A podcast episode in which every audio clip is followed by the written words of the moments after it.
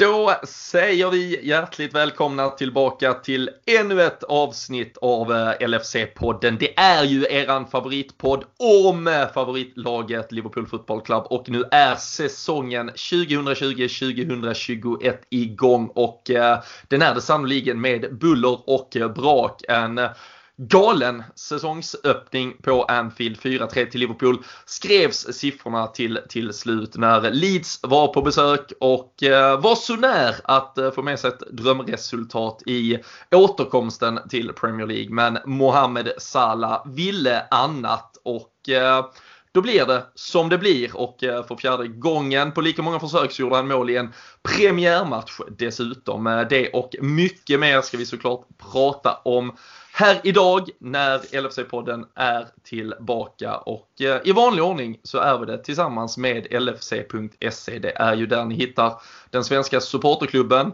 och eh, trots att säsongen nu är igång så fortsätter ju transferfönstret hålla öppet drygt tre veckor till. Det är mycket surr både på fronten, ja men lite spelare som kanske ska ut och så det eviga diskussionsämnet Tiago. Det är LFC.se där ni håller koll på alla turer och svängar i alla fall. När ni inte lyssnar in LFC-podden. Men eh, nu ska ni i vanlig ordning sätta er till rätta, förbereda er för en timme örongodis och så ska jag få sällskap av Fredrik Eidefors och Christian Andersson. Och så kör vi igång ännu ett avsnitt av LFC-podden.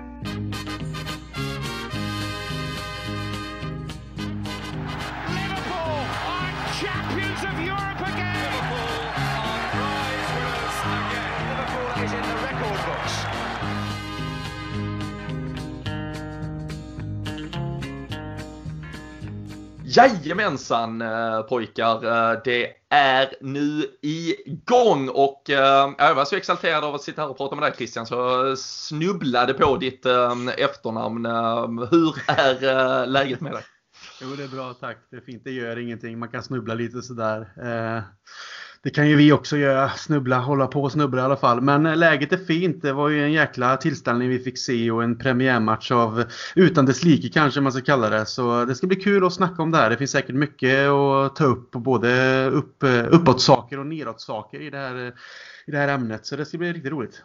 Ja, nej, det, det, det, det, härligaste är ju trots allt att det är igång. Sen, eh, sen finns det väl kanske aspekter eh, i det hela när vi väl börjar eh, diskutera det som man eh, kan peka eh, vissa fingrar på. Eh, Fredrik Eidefors, en premiär är avklarad i alla fall. Klopp sin vana trogen, målkalas, tredje raka, eller fjärde raka faktiskt, där vi mm. har fyra mål eh, i en eh, premiär, eller inte raka, det blev Watford det däremellan, då gjorde vi tre, men fyra av fem sen så har blivit fyra mål. Det blir i alla fall mål när uh, Jürgen Klopp och Liverpool premiärspelar kan vi konstatera. Ja, verkligen och det är Ja, oftast så går det åt rätt håll, men det är klart att det finns lite att slipa på det med. Men det viktigaste i det här fallet var ju såklart att vi hamnade på, på rätt sida av den här 4-3 matchen som, som vi ska prata om. Så att det var nej, det, herregud, det var en, en, en, klassiker som de sa även i studion. Det här är en sån match som eh, ja, man, man ändå får sitta så här med facit och säga att eh, det, var, det var en rolig match att kolla på. Även om man satt och, och njöt och svettade sig fram och tillbaka i den här matchen så finns det nog mycket vi kan ta med i den här matchen. Ja, men så, eh, så är det ju verkligen och eh, efter eh, efter 4-1-segern förra året mot Norwich. Det var ju, det var ju en pigg nykomling. Nu skulle vi ta oss an en annan och av, av många här Fredrik, alltså trots allt en nykomling som väldigt många, om vi nu tittar på matcherna som också har spelats med de andra nykomlingarna Fulham och West Bromwich eh, så, så är ju detta åtminstone kanske både nykomlingen som på pappret och i försnacket och kanske också att döma efter den första helgen som ändå är det laget som ska ställa till det lite för eh, ja, både etablerade topplag och framförallt kanske lag då som kan få det tufft att eh, behålla sin plats i Premier League på deras bekostnad. Mm. Jag, jag, jag, står väl fast vid det här med att det var på ett sätt skönt att möta Leeds direkt här i början. Vi, eh, vi såg ju vad exempelvis Norwich gjorde tidigt på säsongen mot Manchester City förra säsongen och sen efter det var det ju bara liksom flatt, platt fall för dem. Så att jag, jag tycker det är skönt att den här matchen är, är avklarad om jag ska vara helt ärlig. För jag, man vet att som sagt de här lagen kommer ställa till det. Sen är, är Leeds ett helt annat lag än de andra två uppflyttade lagen som lite mer mellanmjölk än vad, vad Leeds faktiskt är. De, de, det kommer bli kul att se dem den här säsongen. Man får ändå säga hatten av för hur de kom till, till Anfield eh, och eh, och spelade på sitt sätt och fick som sagt, som du säger, nästan med sig någonting. Men eh, i slutändan så är det alltid Mohamed Salah som vinner. Det, det är ju statistiken i alla fall nu när han gör mål, så att det kan vi komma in på lite senare också. Ja, nej, verkligen. Och eh, om det var ett eh, spännande och eh, ja, men ett, ett nytt, ett eh, entusiastiskt lidslag så var det ju till stora delar Christian ett eh, Liverpool-lag vi kände igen, men med eh, en stor förändring och eh, det var ju egentligen att Fabinho inte återfanns i startelvan. Eh, däremot så fick Naby Keita chansen från start. Jordan Henderson var ju tillbaka. Det hade väl alla gått och i alla fall eh, trott och hoppats på. Gini Wijnaldum trots eh, flyttrykten eh, tillbaka rakt in i den där startelvan. Men hur, hur tog du emot startelvan en timme innan matchen när vi kunde konstatera att de byten ändå var gjorda? Nej, jag var nog beredd på att eh, Fabinho skulle spela i alla fall. Eh, Henderson hade, precis som du säger, hade man väl hoppats skulle vara med. Men eh, personligen var jag inte helt säker där på grund av hans skada och att han kanske inte varit igång lika mycket på det sättet. Men eh, det kändes ändå intressant när det kom ut och Keita var ju kul att han startade. Ehm, eh, man känner ju ändå att han på något sätt har gett lite mer under försäsongen och det såg vi även under slutet av förra säsongen att han fortfarande har det där fina i sig som vi vill fortsätta se. Sen hans insats i den här matchen kanske inte var riktigt som man hoppades ropats på men eh, tycker mittfältet var helt okej okay och laget överlag såklart med backlinje och fronttrio såg ut som det ska vara. Så att, eh, det var väl bara Fabinho egentligen som blev en liten överraskning men eh, tyckte att det fungerade bra spelmässigt ändå trots den svajiga match vi fick se. Mm.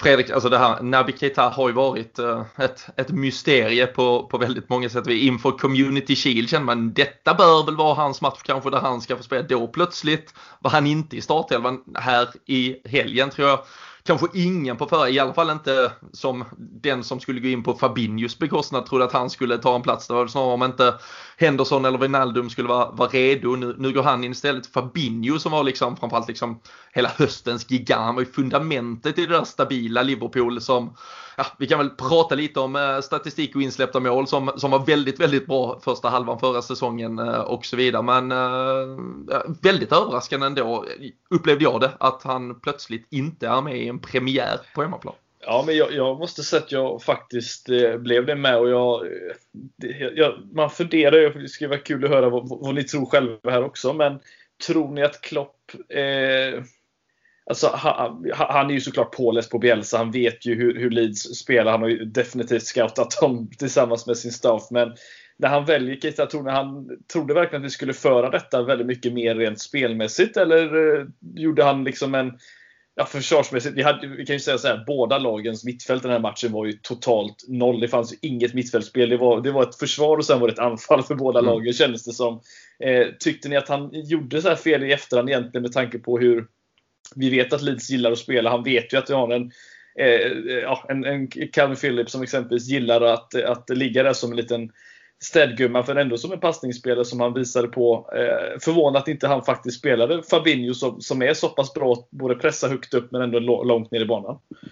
Ja men alltså jag, det jag alltså jag, jag tycker väl också, jag, jag, tror att de flesta kanske, och jag vet inte om Leeds nästan själva var lite överraskade över hur de spelade den här matchen. Alltså har man sett bara lite av Leeds eh, förra säsongen. Det är, det är ju ofta så här eh, de klassiska Bielsa-klippen som kommer ut med liksom eh, så sjuk press och ändå organisation och liksom att man det här jobbet man, man lägger ner för varandra och man spelar sig ur vissa ytor och så vidare. Men, men alltså det var ju framförallt förra säsongen ett sjukt solitt lag. Definitivt 22-0 tror jag de höll till slut förra säsongen och, och var ju så jävla ramstarka och stabila. Alltså egentligen det är allt Leeds inte har varit de andra 16 åren när de inte lyckades ta sig tillbaka till Premier League. Så um, jag hade ju nog förväntat mig och jag tror att Klopp kanske förväntar sig att det skulle vara ett lite mer ja, ett lite stabilare Leeds än det vi fick, fick se. Alltså första halvlek framförallt är ju Alltså det är ju så rockigt, alltså det är ju ingen som eh, ligger i rätt position. Alltså det, det är ju bara Alltså, där kan ju allt hända. Jag tycker, vi ska ju diskutera såklart eh, våra insläppta mål och våra gjorda mål och allting också. Men det är där jag det gör också att jag tycker att hela den första halvleken är så, så otroligt värdelös egentligen som något sample size på att så här ser saker och ting ut. För jag tror inget lag höll sig till någon form av spelplan eller någon tanke eller idé. Och alltså, jag skulle, skulle Klopp fått den matchbilden serverad i någon spåkula så tror jag att han gärna hade satt in Fabinho för att liksom få lite lugn och ro och eh, ordning och reda på det. Men jag tror att han förväntade sig att Leeds skulle stå lite lägre och eh, låta oss kanske behöva trockla oss fram på, på ett sätt som vi aldrig riktigt ens eh, gavs chansen eller behövde göra den här gången.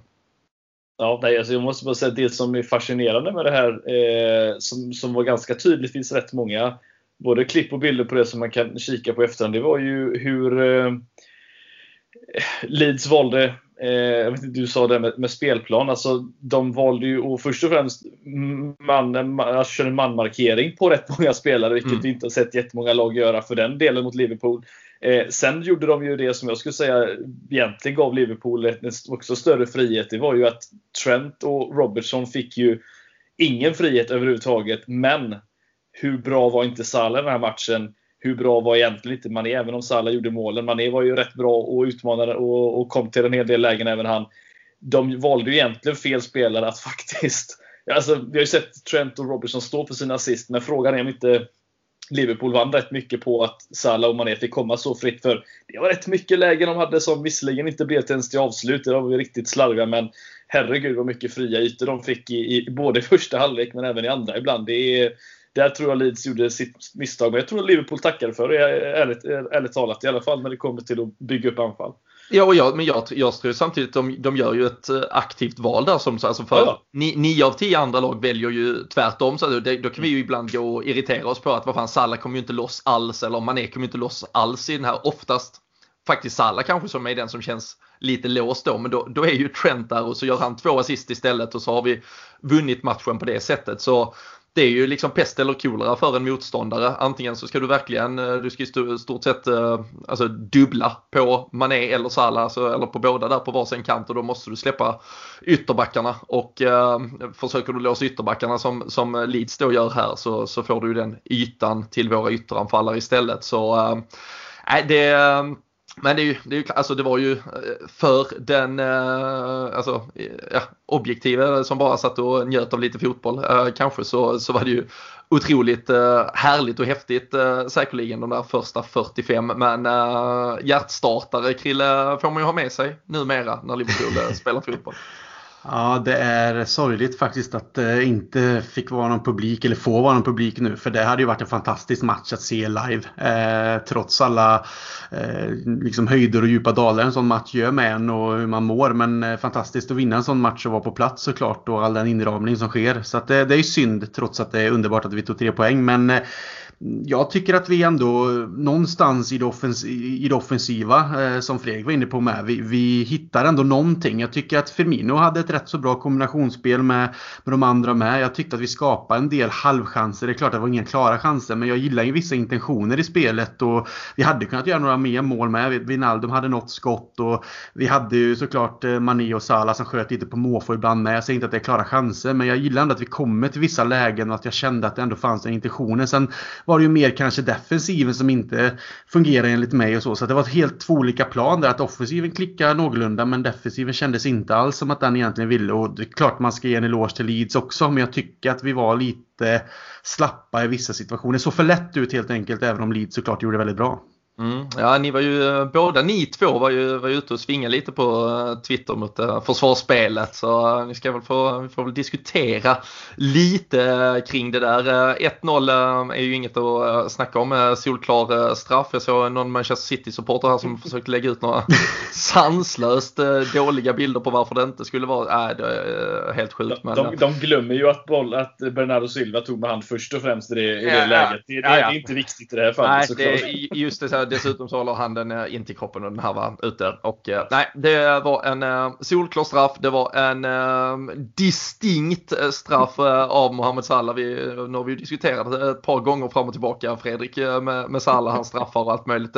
Den där fanns det inget att säga om i alla fall. Alltså jag måste säga att jag, jag, jag, när, när, när, den här straffen kom och jag satt samma så här, vem är det som tar den? Jag vet ju att det är Salah. så, så fort han gick fram och stod till den och satte den ja, där han satte den så distinkt som säger. Då satt jag och tänkte, jag kommer få höra detta nästa podd av Robin. Helt garanterat. jag, jag, kan säga så här, jag, jag, tror att, jag tror att väldigt mycket av varför jag inte litar på honom, trots att han jag tror vi nog kan räkna ut det statistiskt att han är en av de bättre straffskyttarna i Premier Leagues historia snart nästan med tanke på att han, han har väl bara missat en va? Eller har han ens gjort det? Nej, en har han missat va? Han missar väl den där hösten när alla missade höll på sig. Just det, ja precis. Det stämmer. Men vilket fall som helst, så jag tror väldigt mycket av det grundade sig i att jag tycker, han, hans avslut är ju väldigt mycket ibland mitt på målvakten. Han har en jätteyta och lägger den på vänstersidan. Så att, det är väldigt mycket från och till i hans avslut. Men när det just kommer till straffar, där har han någon form av kyla och vissa straffar, ja de är väl sådär. Champions League-finalen kunde ju gått åt vilket håll som helst, den straffen. Men just de här två straffarna är ju fantastiskt bra. Därför andra tycker jag är, är sådär behärskad som man önskar att en straffskytt ska vara. Så att, eh, nej, credit till honom, men jag är fortfarande nervös när han går fram. Det, det måste ja. jag ändå säga. Ja, det får, det, det får du fortsätta vara. Själv sa han att um, jag har ju slagit in en i en Champions League-final. Det var, det var lite enklare när uh, man skulle gå fram här utan uh, publik på läktarna. Uh, vi ska väl summera lite och prata just exakt kring hans målskytte totalt sett sen. Men vi kan väl ta, jag vet inte riktigt hur vi ska baka ihop allt. Det händer ju så mycket och så många situationer. Men 1-1 Harrison, Christian och där tycker jag väl att eh, debatten går isär lite kring om eh, det där är så dåligt eh, försvarsspel. Jag tycker ju personligen att det där är en sju jävla insats av Harrison bara och det där gör han aldrig om igen i hela sitt liv i stort sett och finns inte så mycket att klaga på egentligen hos våra spelare men många andra tycker att det var rätt svagt av kanske framförallt Trent att låta honom vandra in som han gjorde. Ja, alltså.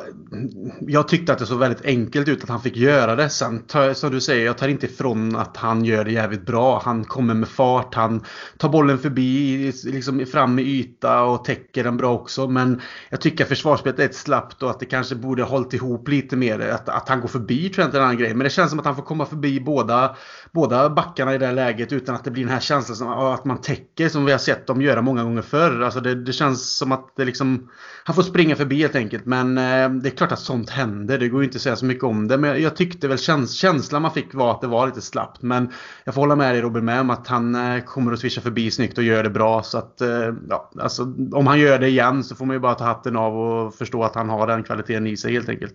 Är det okej okay att skylla Gomes på den också? Alltså Gomes kommer ju för djupt in i den kan man väl säga. Hur? Ja, beroende på alltså, hur man mm. Trent, sett, alltså, han, han behöver ju först och främst vrida om kroppen Trent. Så det, det, är mm. lätt att en snabb spelare kan komma förbi där. Och det är återigen samma sak. Han kanske skulle, inte skulle eh, gett honom så mycket yta. Det, det är ett bra mål, det, det, det, måste vi ändå, så, det har vi ändå sagt. Men jag tycker det, alltså Gomes, jag vet att jag sa det inför säsongen, hur min, mitt frågetecken kring Gomes, hur han det här blir liksom hans stora, stora möjlighet här nu att, att ta den här platsen igen. Alltså, vi vet att vi var fantastiska med honom förra säsongen också, men han, han är för valpig i många situationer. Han, han läser inte av den tillräckligt bra. Jag tycker att hans sätt hur han kommer in och missar den bollen helt och hållet. Jag, jag är inte jätteimponerad, men återigen, det, det, det är ett mål som kan hända. Eh, jag, jag, eh, ja, ja, Gomes försvarsspel är jag besviken på, jag måste säga det. det är, Eh, van Dijk är inte perfekt i den här matchen heller, men Gomes tycker jag han har alldeles för mycket kvar att lära för att vara innan han tar det här nästa steget. Men det, det kanske kommer den här säsongen, det vet vi inte. Ja, nej absolut. Eh, så länge han inte lär sig av van Dijk, för han gör ju flest misstag i eh, hela Premier League nu. Här är det ju någon som har hittat förödande statistik på. Men han spelar i alla fall 1-1 med sig själv, Krille, på en ganska kort stund där i mitten av första halvlek. Ja, och det är ett fantastiskt häng. Och sen hur han tar sig ifrån sin försvarare med att han liksom eh, använder sin storlek och, och sin kraft. Och sen att han kommer upp och tajmar så fint och hänger så fint i luften och nickar in den. Det, och nu, nu går ju den in så ändå, men det, det, ser ju nästan ut som att målvakten liksom har den fast flyger in i målet. Även om det är att den går in så och han inte kan så mycket.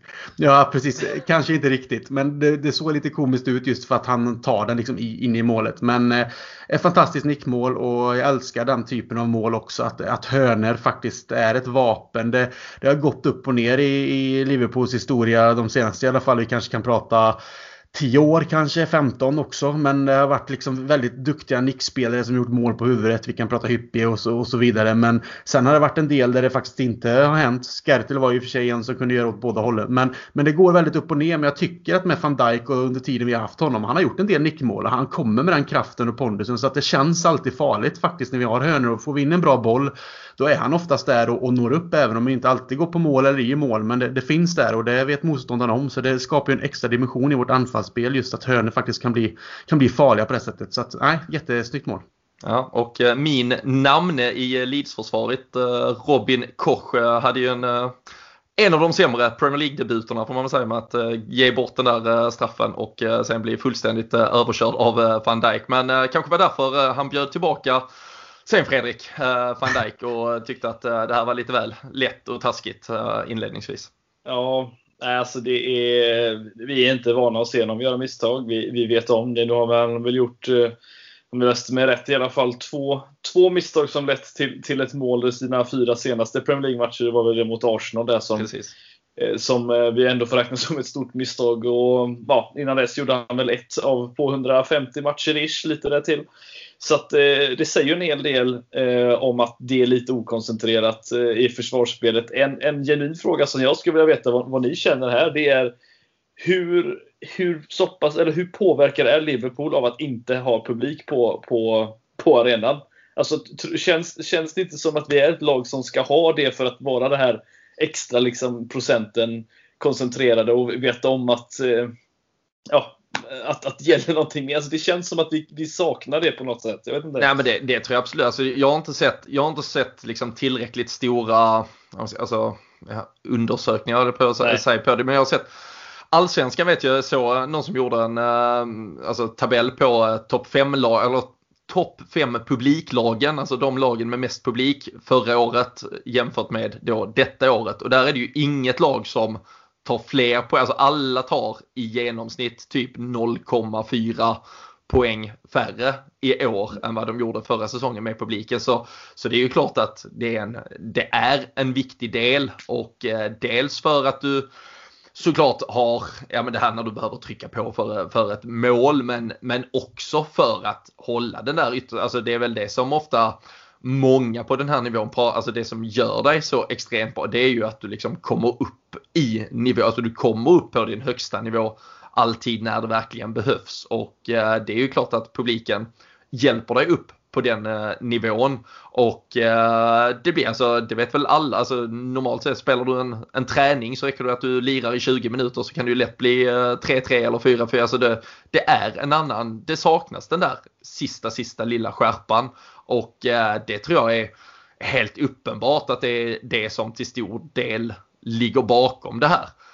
Precis på samma sätt som också en anfallare mycket väl som vi ser lite på Sa, alltså jag säger inte han kanske hade gjort exakt det avslutet ändå men alltså hans, hans 3-2 mål är lite så också. Alltså det, den bara studsar till, för han klämmer upp den i krysset. Alltså där, där finns en, en viss lätthet, alltså du tar lite lättare på uppgiften utan att på något sätt förringa någonting varken offensivt eller defensivt. Men det känns så i alla fall. Det, det finns någon promilles eh, koncentration som, som gör att du kanske spelar ännu bättre och också att du liksom kommer som ett motstånd. Alltså vad fan, vi, vi bara kör liksom. Um, och um, att du i försvarsspelet uh, tappar en, en viss, viss skärpa uh, tror jag absolut.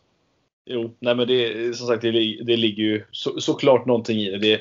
Det är mer att det känns som att vi lite mer, jag, återigen, jag har ingen statistik på detta, jag, det är bara min känsla, att det känns som att vi av de här topplagen som som finns, att vi påverkas mest av det. Att vi saknar den mer än vad de andra gör på något sätt. Men det, det får väl tiden ta och, bevisa på något sätt. Det är väl för att vi har stämning på vår arena kanske? Ja, det är, en annan, det är såklart en annan del. Nej, men jag, alltså, jag, jag tror helt klart att van Dijk inte, han gör inte alla de här misstagen som, som han gjort om, om det, det är alltså det, det känns som att det, det påverkar väldigt mycket de här spelarna. Men det är, det tar väl tid att anpassa sig antar jag. Det är fortfarande en konstig känsla. Nu var det visserligen publik på PSG, ja, PSG Marseille som jag satt och kollade på. Det var en jävla skillnad att kolla på den matchen med publiken.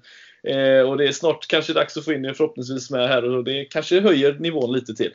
Ja, det tror jag absolut. Det, be det behövdes väl publik i PSG-matchen. Det var ju inga spelare kvar eh, i slutet istället. Så att det var någon jävel kvar på arenan i alla fall. Men, fem ja, ja, det är väl lagom. Men äh, nej, äh, ja, vi hoppas verkligen. Det är ju tyvärr äh, inte jättepositiva signaler man får från England just nu. Även om arbetsdatumet fortfarande är 1 1 oktober för någon form av begränsad publiktillströmning i alla fall. Men eh, känns väl inte superoptimistiskt eh, kring hur många som får komma in även om eh, vi svenskar nu i alla fall får resa till England. Om man nu skulle vilja göra det. Kan man inte gå på fotboll finns det inte så jävla mycket att göra i det skitlandet. Men äh, så, så kan det vara i alla fall. Och äh, vi konstaterade ju att äh, Mohamed Salah också tryckte in 3-2. Han eh, skickade väl i stort sett eh, hela målställningen och allt eh, möjligt som eventuellt hade kommit i hans väg eh, långt eh, åt eh, helsike där eh, Krille. Och man, man,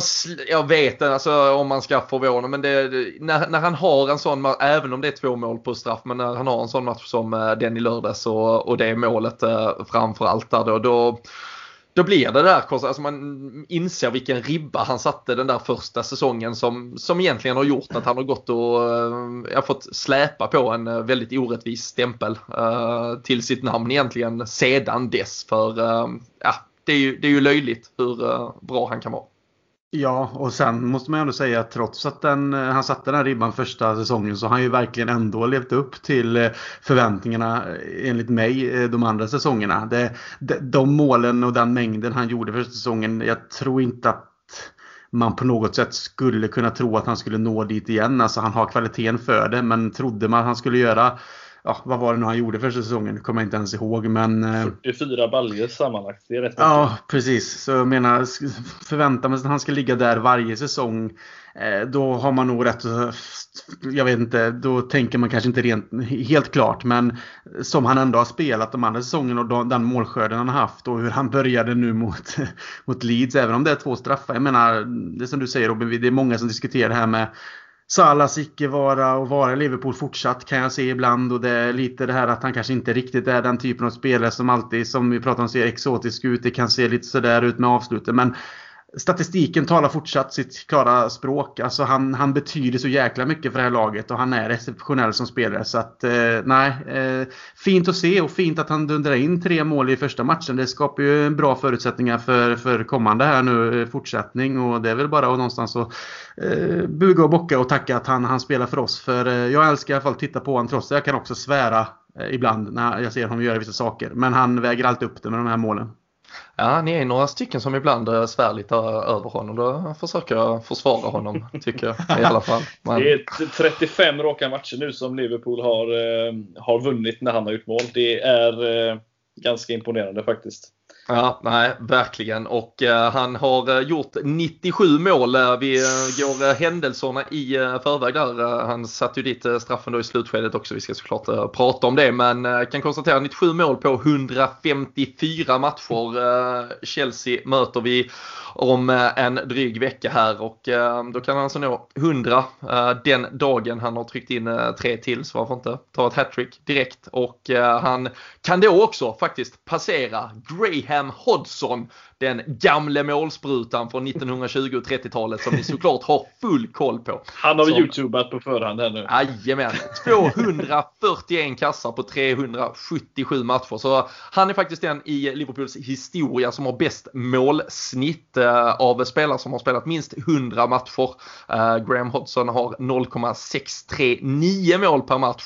Mohamed Salah har 0,63 mål per match. Eh, med det är han på topp 5-listan före precis eh, Luis Suarez, eh, John Aldrich och sen eh, Jack Parkinson. Um, så ja, alla andra, Ian Rush, Robbie Fowler, Michael Owen, de får uh, ursäkta Fredrik. Det är den här knappt kapable avslutaren som är på väg att sätta historiska rekord om han bara trycker dit ett par bollar till. Precis. Ja, nej, men det är, det är helt makalöst. Alltså, man kommer ju ihåg, alltså, när, när, kommer ni ihåg känslan när, när, när vi signade honom? Liksom att man visste ju lite att det här, om det här var en, om man får använda ordet, en liten valpig avslutare. Alltså, han var ju inte känd för att vara den. Han hade ju inte gjort så mycket mål tidigare. Eh, men oj vad han direkt kom in i det och passade in så perfekt i, i det här kloppbygget. Och, som sagt, lägg till rätt många assist på det också. För han, han har inte bara gjort mål, han har rätt assisterat några stycken också. Så så finns det några prestationer som man kommer komma ihåg eh, i många, många år. Inte minst i Champions League-semin mot Roma och det finns, eh, ja det finns, herregud, det finns många matcher såklart. Mot Watford när fyra baller. Det är, listan är lång men han, eh, att folk fortfarande tvi, tvivlar på honom, det kan jag inte fatta. Det, det är helt jävla absurt egentligen. Att man kan tvivla på att han ibland kanske kan förbättra sina avslut, det är en annan sak. För han ser lite trubbig ut. Men med de, så många mål han gör, alltså inte, alltså det är inte Messi vi pratar som, som gör de här 70 mål per säsong. Han, det här är en spelare som gör tillräckligt mycket för Liverpool så att vi ska inte klaga på honom nu. Det är, vi ska vara glada att vi har honom, herregud.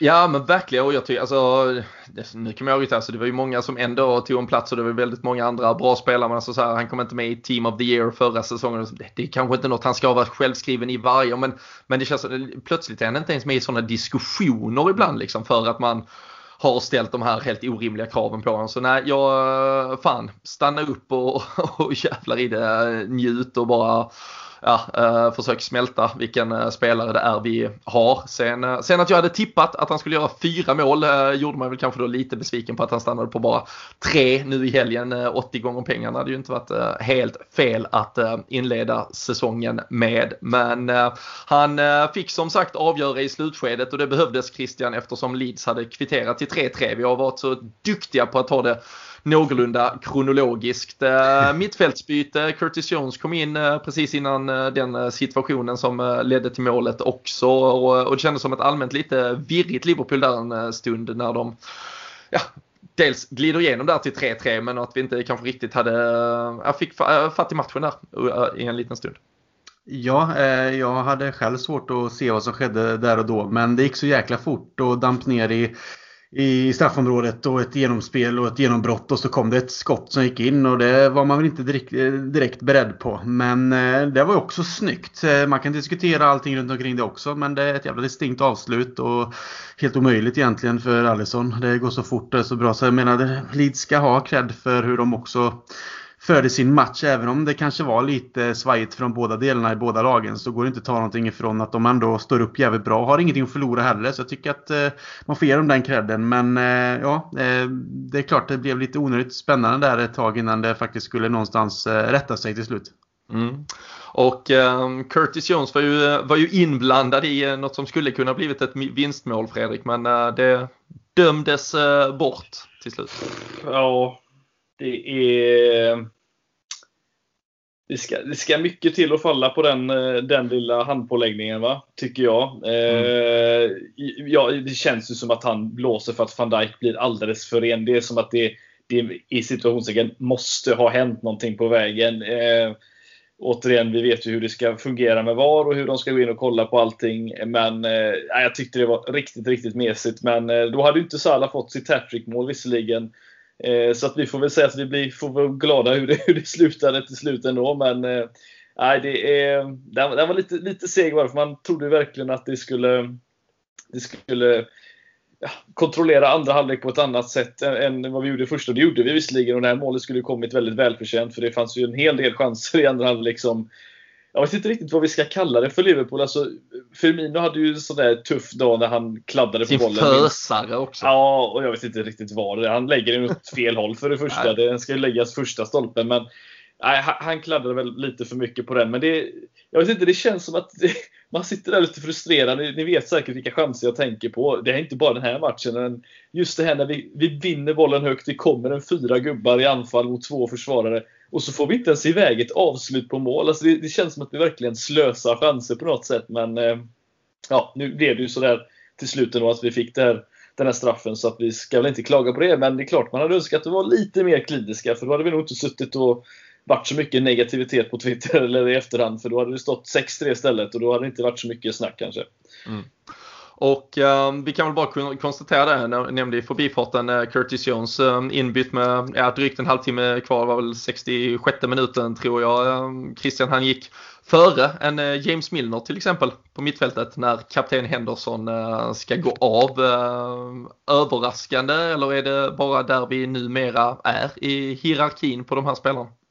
Men det är nog lite överraskande i det läget i matchen med och i en premiär och med en Milner på bänken som har rutinen och vi vet alltid gör jobbet och att det är Leeds, hans, eh, eh, hans lag från barndomen och så. Så jag tänkte väl att, eh, inte bara därför såklart, men att en Milner är ju någonstans man kan lita på. Men samtidigt så är det väl så att Curtis Jones har visat Klopp att han är beredd och så tror jag också att Klopp vill börja spela in honom i de här större sammanhangen för att han ska fortsätta utvecklas. För potentialen har han ju, det har vi ju sett. Och han ligger nog på en nivå där han kan, som vi har pratat om tidigare, få en del eh, matchminuter. Kanske inte starta såklart, men att han får komma in och försöka sätta sin prägel. För det, det tror jag Klopp har som planer nu när när Lalana gick så är väl egentligen naturliga ersättaren Curtis Jones. Och han har egentligen vad som krävs tycker jag. Men eh, det är klart, det är inte alltid lätt heller. Men eh, jag tror att det kommer vara att han är ett val för framtiden. Att han får få sina minuter helt enkelt än till exempel en Milner. Även om jag älskar Milner och det han gör så tycker jag att det är rätt väg att gå. För någonstans måste man också föryngra och förvalta. Så att eh, jag gillar att han vågar. Sen är det kanske i den här matchen, i det här läget, kanske är lite väl. Men ja, det, det löste ju sig som sagt. Ja, jag såg att vår käre vän eh, Anders Bengtsson, eh, chefredaktör på Offside som eh, har ju varit med och gästat podden vid, vid några tillfällen och Liverpools supporter såklart. Han, han tog väl förhoppningsvis en bra flaska rödvin kanske på fredagskvällen och skrev att Curtis Jones det skulle vara säsongens utropstecken. Jag tror han tippar sju mål och nio assist. Med en sån utväxling Fredrik så hade vi inte, behöver vi inte diskutera Thiago överhuvudtaget. Men jag vet inte om du är, dricker samma flaska vin som Anders eller Eh, kommer det vara mer sporadisk inhopp för eh, Curtis Jones? Ja, det är i alla fall inte lika hög procenthalt i min dryck i så fall får vi säga. Det är, det är ganska optimistiskt tänk. Jag tror väl visserligen att, att Jones när han, väl, när han väl blommar ut och verkligen får chansen är kapabel till att göra det. För att han, han har ju visat när han har fått spela i, i att, att han gillar att vara uppe och följa med upp och har ett bra avslut dessutom. Så att, jag tror vi kan gå åt det hållet, absolut. Men jag har svårt att se att han kanske gör den här. Så mycket kommer han nog inte få i minuter i alla fall för att kunna hinna med att göra det. Men eh, gör han det så då vet vi vem som ska få eh, hyllas först i alla fall. Ja, då blir det en, en flaska från, eh, från podden. Ja. i, I så fall, absolut. Den bjuder Robin på. Ja, nej, absolut. Och, eh, nej, och eh, det skrevs eh, till slut till 4-3 som sagt. Mohamed Salah och straffen, den, den sista, den Fredrik, den är ju säker. Den ja, är, men jag sa, sa det förut. Den är, det, är en, det är en riktig straff det där. Det är nästan lika kyligt som Curtis Jones mot, uh, mot Arsenal va, i Community när han lägger den nere vid stolperoten där. Eh, men eh, nej, det är som sagt, han, han överraskar fortfarande på mig. Men jag vet inte om jag ska vända, eh, vända kappan här nu och bli en eh, Sala, ett Salah-fan på straffar. Men eh, den får vi ändå säga, den var, den var nästan lika säker som Cissé på, mot Milan 04, 05. Mer otippat var det ju att eh, Fabinho var liran som gick i, i backen. Ja, är du verkligen förvånad då? Är inte han en sån spelare som verkligen skulle kunna hoppa in och ta en sån liten smäll för att och framförallt slänga sig lite enklare än vad man hade behövt och, jo, och vinna alltså. en straff i 88? Det är ju det är gjort för honom ju. Ja, men det, det, är väl kanske inte den spelaren jag först tänker på i straffområdet i det läget egentligen. Vi vet att han kan skjuta utifrån och han brukar förstöra för motståndarens offensiv och vinna boll och allt det här och lägga fina passningar framåt så. Men det är kanske inte den spelaren som man förväntar sig är där vid den tidpunkten i straffområdet och får den straffen. Men, men det, han, har fan, väl hunnit, han har väl hunnit täcka egentligen den ytterytan och sen ta sig in egentligen på, på andra studsen eller andra bollen så att säga. Så um, sen var det ju en Ytterligare då uh, misslyckad eh, debut för en uh, med tanke på att det var Rodrigo uh, som gav bort den väldigt ja, solklart såklart och Michael Oliver stod på rätt plats. blir glad när det är Michael Oliver som dömer Liverpool för då vet jag att det i alla fall till 98% kommer att bli rätt. Sen kan det ju alltid vara fel ändå men det finns ju väldigt många av hans kollegor som kan se till att göra det mycket värre än så. Sen tycker jag ju bara att vi måste stanna vid eh, faktumet att när Mohamed Salah då gör sitt eh, tredje mål i eh, 87 minuten då passar han på att göra en målgest för att ja, men dedikera sitt mål, hylla sin landsman Mohamed Zakaria, 32-åringen. Egyptisk landslagsman och han har fått avbryta sin karriär nu. Uh, var senast i Al-Ali uh, eh, på grund av att han har uh, fått ALS, en jävla skitsjukdom. Uh, men uh, det är ju dels såklart något superfint att Salah dedikerar det här målet. Men det är också något supersjukt Fredrik i att han väntar till det tredje målet. Det är ju ett självförtroende. Alltså, jag tänker så här, har man ett jävla budskap då gör man väl först, man gör sitt första mål och så kör man. Man vet ju ja. om man får chansen igen. Jag har alltså, faktiskt inte tänkt den tanken. Det var faktiskt rätt kul att du sa det. För jag, jag har inte tänkt det förrän du sa det nu heller. Att det har du faktiskt helt rätt i. Det är inte så att han satt i halvtid och tänkte att fan nu missar jag två möjligheter här. Nu måste jag göra Det var så att han fick informationen i 77 minuten. Liksom. Han har vetat detta. Så här, jag, jag kör inte första. Jag, jag väntar till. Nej, jag tar inte andra heller. Det kommer nog ett till. Ett till Nej, det, det, det, är kaxigt för här, Det är nästan som att man undrar om det är Balotelli som har dragit på sig Liverpool-tröjan igen. Det är så pass arrogant faktiskt. Nej, det är, det är som du säger. Det, är, det har inte jag tänkt på, men det har du faktiskt helt rätt i. Det är, det måste ja, var... nästan fråga honom på något sätt. Vi, har, känner vi någon som känner Salah eller? Du är väl vän med Klopp nu efter eh, Bostonresan? Så du har bara okay. slänga iväg ett mess. Vi löser det. Ja. Lov, Lovren kan väl Lovren kanske agera ombud. Så nej, det är en, en parentes i alla fall men jävligt kul när det var samma jag satt också och bara tänkte på det. Vad fan, han väntar alltså verkligen med att göra det men ja. Snyggt, så är det. Uh, vet man att man gör mål varje premiär så känns det väl tryggt och uh, han kände väl att tre var på sin plats den här kvällen. Segern var till slut ett faktum, eh, 4-3 och ehm, det är väl egentligen bara det man behöver från en premiär eh, Christian, alltså att vinna. Alltså visst, låta finnas saker vi ska eh, diskutera, förbättra som inte är optimala. Men äh, jävlar vilken stor skillnad det hade varit om det hade varit 3-3 och bara en poäng. Då, då känns det ju som att man hade stått och diskuterat domedagen så här ett par senare.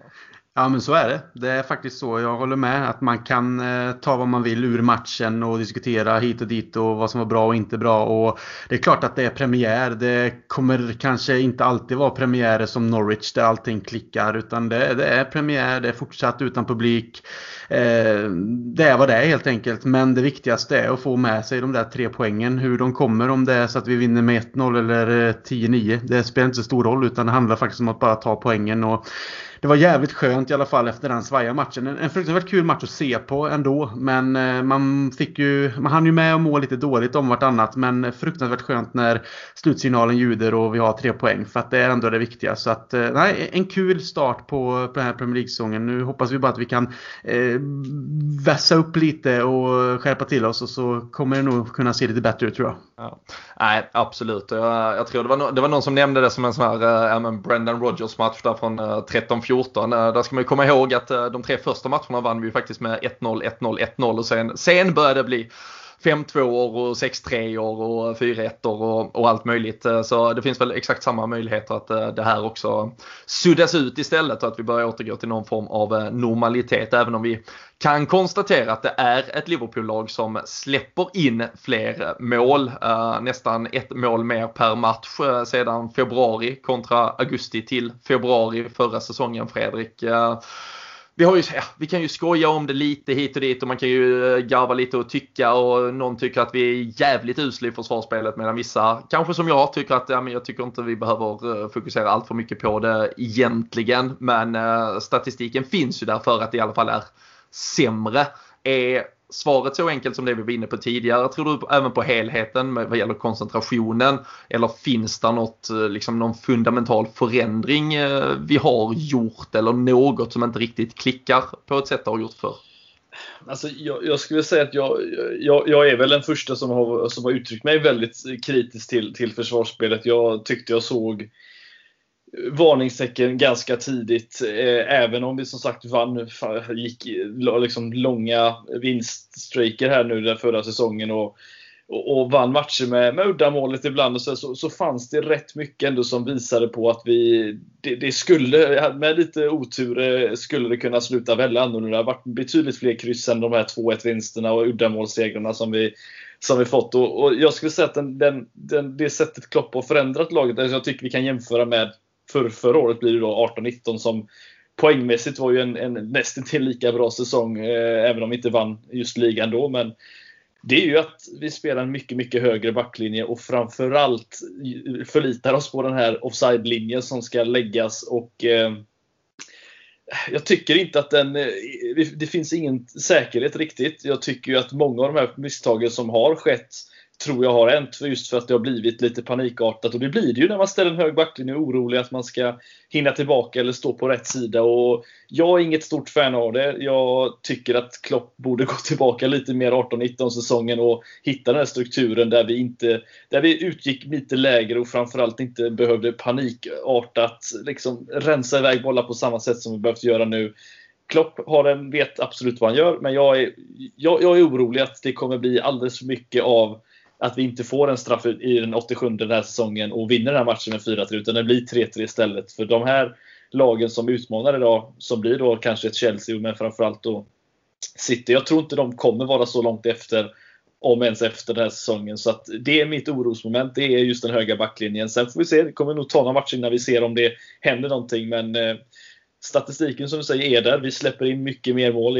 Sen Watford-matchen, det är 12 matcher sen nu, så är det 19 insläppta mål och det är betydligt mer skott på mål som Alisson får på sig än innan dess. Så det är, eh, nej, det är lite oroväckande för mig, men återigen, man får ta det lite match för match och se om det sker någon förändring därefter. Ja, jag såg statistik. Alisson hade väl gått från att han hade ju en period där i vintras, jag tror han räddade 54 och 56 skott han mm. fick på sig. Nu tror jag han släppt in 17 av de senaste 34 eller 36 eller något sånt. Så det är ju också såklart. Sen handlar det om såklart skotten kommer ifrån helt andra lägen och eh, så vidare. Men eh, det är klart att det finns en förbättrings potential och eh, den lär behövas eh, redan eh, till helgen Christian för då, då väntar ju Chelsea. Vi har ju två raka stormatcher får man väl säga på pappret i alla fall. Först Chelsea nu på söndag och sen Arsenal måndagen då veckan därpå, åtta dagar senare. Och när vi sitter här nu måndag kväll så är det 12 minuter till Chelsea kliver in i den här säsongen. De möter ju Brighton borta och vi kan säga att i alla fall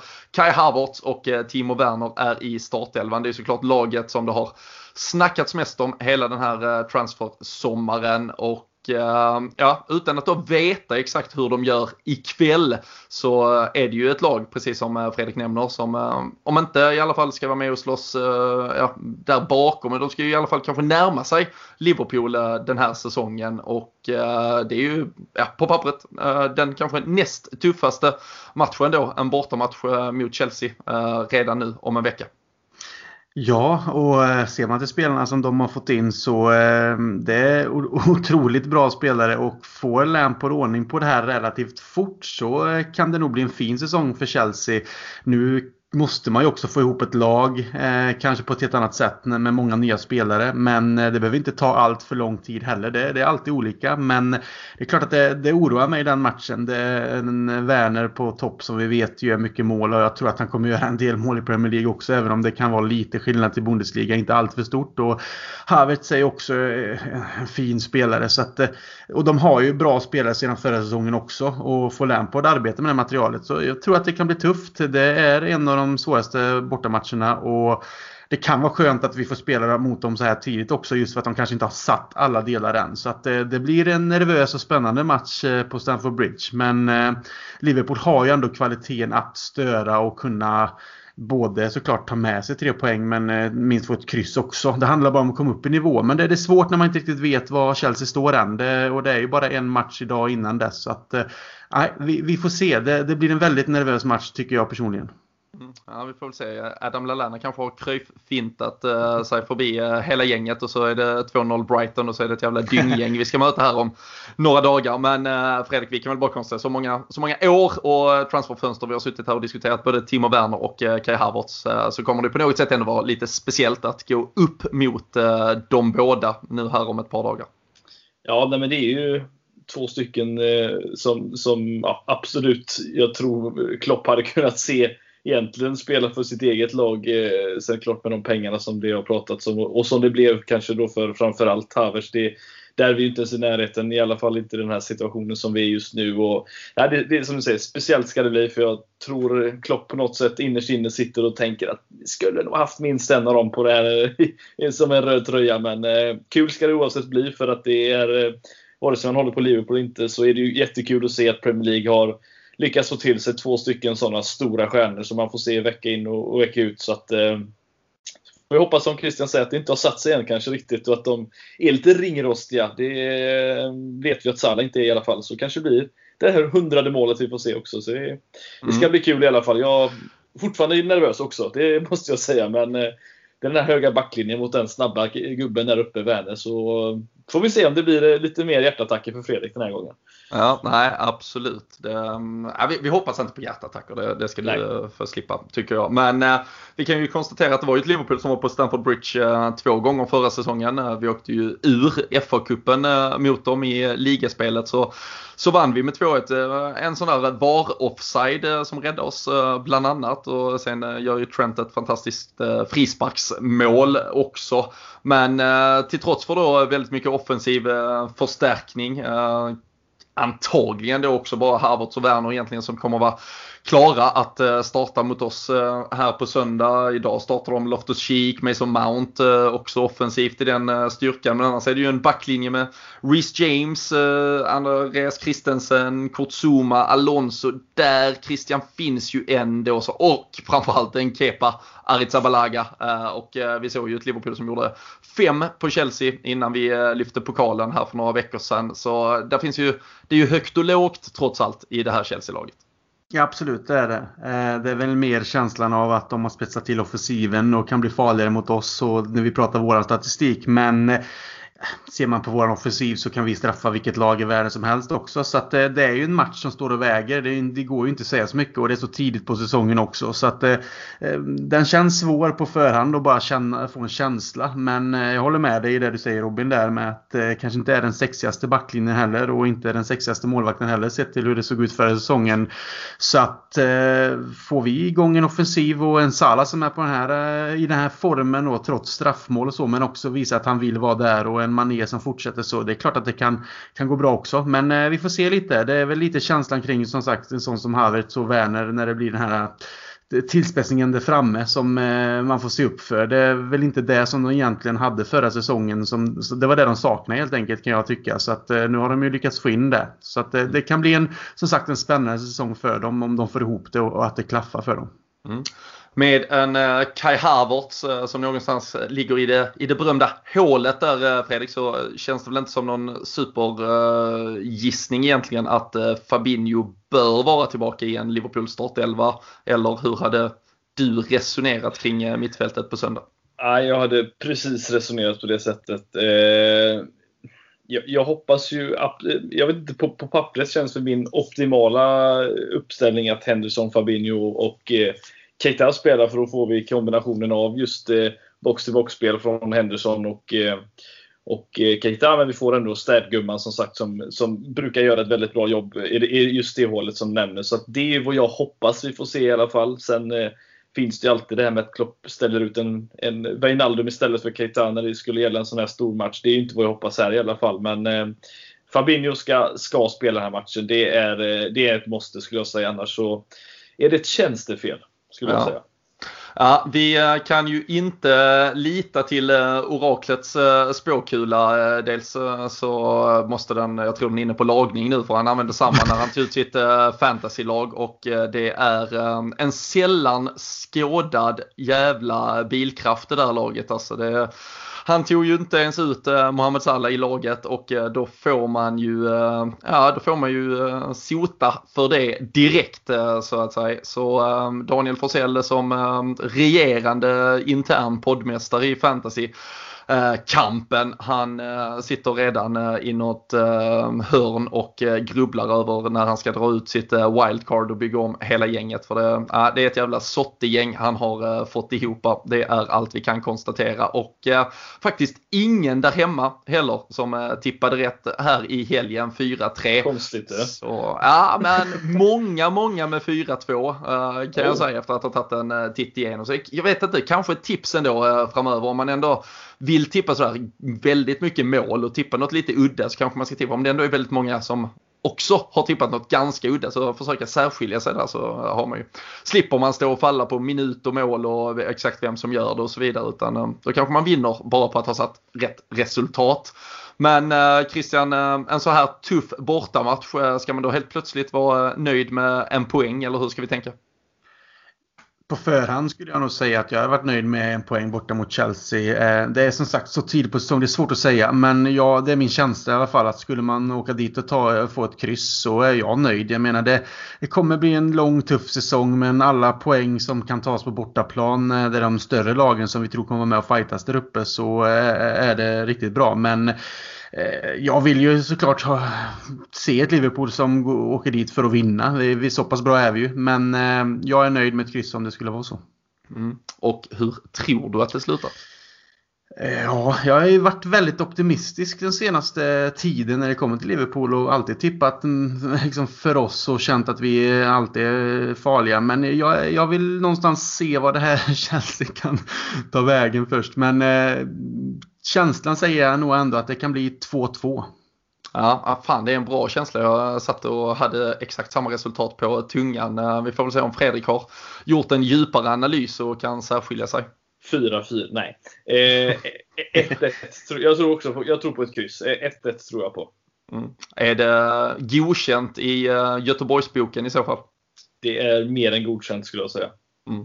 Ja, men jag, tror, eh, jag tror också att uh, man måste ta den här säsongen. Alltså vi, vi har ju pratat om det så många gånger förr. Men de här säsongerna med alltså 97, 98, 99 uppåt 100 poäng. Det, det är ju så, det, det, det är så otroligt unikt. Alltså jag, jag vet, alltså man måste ju zooma ut från det här och, och förstå hur jävla sjukt det är som Manchester City och Liverpool har gjort de här senaste åren. Det är liksom inte normalt varken om man jämför med andra eh, ligor idag i Europa eller om man jämför historiskt med eh, Premier League hur det har sett ut. Eh, om vi eh, någonstans kanske tror att eh, Chelsea i alla fall kommer vara en utmanare om Tredjeplatsen, kanske fjärdeplatsen, men alltså ett av de absolut eh, stora topplagen. Eh, ska man då inte kunna acceptera att man spelar lika mot dem på bortaplan, då, då har det liksom, eh, det, det, har nästan ballat ur lite. Och det, ja, men det är ju lite som vi pratade om, alltså hur Mohamed Salah satte en ribba för sig själv som, som han sen då inte har kunnat leva upp till. Och, och man jämför plötsligt med att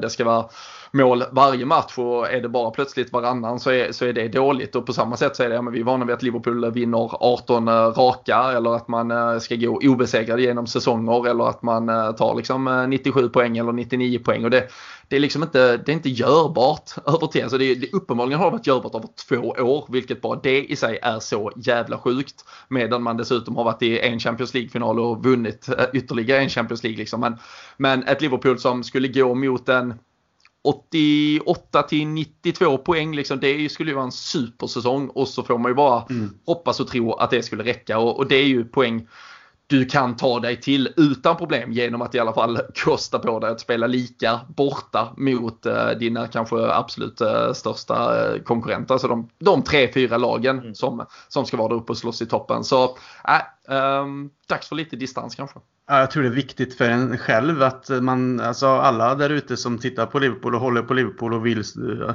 liksom laget så väl att vi ska nå de högsta höjder, vilket vi har gjort, men just att man faktiskt också ser lite och bromsar lite liksom i sina förväntningar. Det är klart att vi har möjligheter att gå eh, till eh, lika höga toppar som tidigare. Men eh, det är jävligt svårt att bibehålla den formen och den nivån som vi har gjort under egentligen två hela säsonger. Och som du pratade om Robin med, med en först Champions League-final med förlust och sen en Champions League-final med, med vinst och så två säsonger med de poängskörden. Och så man, man, man, måste förstå att det håller inte hela tiden och vi kommer tappa poäng till slut. Och andra lag blir starkare och förstärker och hittar vägar mot oss också. Och vi kanske inte alltid klaffar i de matcherna där det, liksom, man tänker att det ska vara så hela tiden heller. Så eh, man får, nog, man får vara försiktig så att man inte, som du säger, ballar ut. För då blir ju gärna man blir lite dum i huvudet av den nivå, nivå vi har varit på. Så man får nog sitta ner lite och känna att okej, okay, vi kommer kunna tappa lite och det får vara okej okay, liksom. Ja, nej, så eh, är det. Och eh, ni där hemma får eh, såklart ge er in eh, på Twitter eh, här under veckan och när det närmar sig matchdag så kommer vi ut med en tipstävling i vanlig ordning så att ni kan vara med och slåss om något nytt och fräscht och schysst och snyggt från Sam Dodds. Själv så tyvärr inte via Sam Dodds, jag fick bli via officiella hemsidan. La jag beslag på tredje tröjan som kom i fredags och herre jävlar vilken leverans den kom idag måndag. Så sitter här snygg som få med den på på mig redan, bara en sån sak. Eh, men det finns mycket att eh, shoppa eh, både på officiella men såklart också på Samdot så vi tycker det är härligt och kul om man kan gynna dem och som vi sa innan så är ju LFC.se också the place to be för att hålla er ajour med allting. Jag vet de körde en jävligt lyckad och trevlig sittning på O'Learys i Stockholm, Tele2 Arena här i helgen till premiärmatchen och via supporterklubben så fortsätter det såklart att hända mycket roliga saker saker. Eh, Är man inte redan medlem så tycker jag verkligen att man ska bli det. Och eh, sen hoppas vi väl att det kanske också kan komma lite nytt och spännande från podden. Ni vet att ni alltid har oss här på måndagar oftast och när det vankas fler matcher så kommer det såklart fler avsnitt och sen har vi lite annat kul på gång så håll utkik i våra kanaler så tackar vi för att ni har lyssnat ännu en gång och så hörs vi och ses vi snart igen. Ta hand om er, håll avstånd, tvätta händer, sköt er så eh, hörs vi av.